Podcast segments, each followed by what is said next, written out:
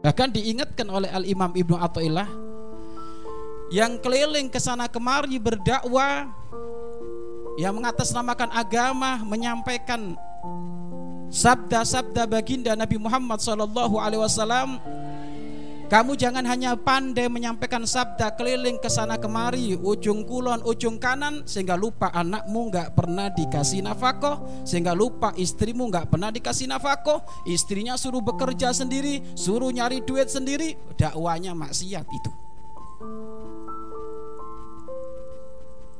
Dia berada di makom asbab, kok ingin berada di makom tajrid, maka itu inhitoton. Itu termasuk adalah, uh, itu termasuk termasuk bisikan hawa naf hawa nafsu. Kedudukannya asbab tapi pengen menjadi taj tajrid. Wong anaknya 10, 20 sibuk berdakwah. Bukan dilarang berdakwah. Berdakwah dilarang itu kalau ngatasnamakan dakwah nggak mau kerja. Istrinya terus diperes. Ayo kerja sana kamu. Pergi ke pasar sana. Pergi ke sana. Pergi ke sini. Dia enak asik berdakwah kayak gitu. Maksiat itu. nggak boleh.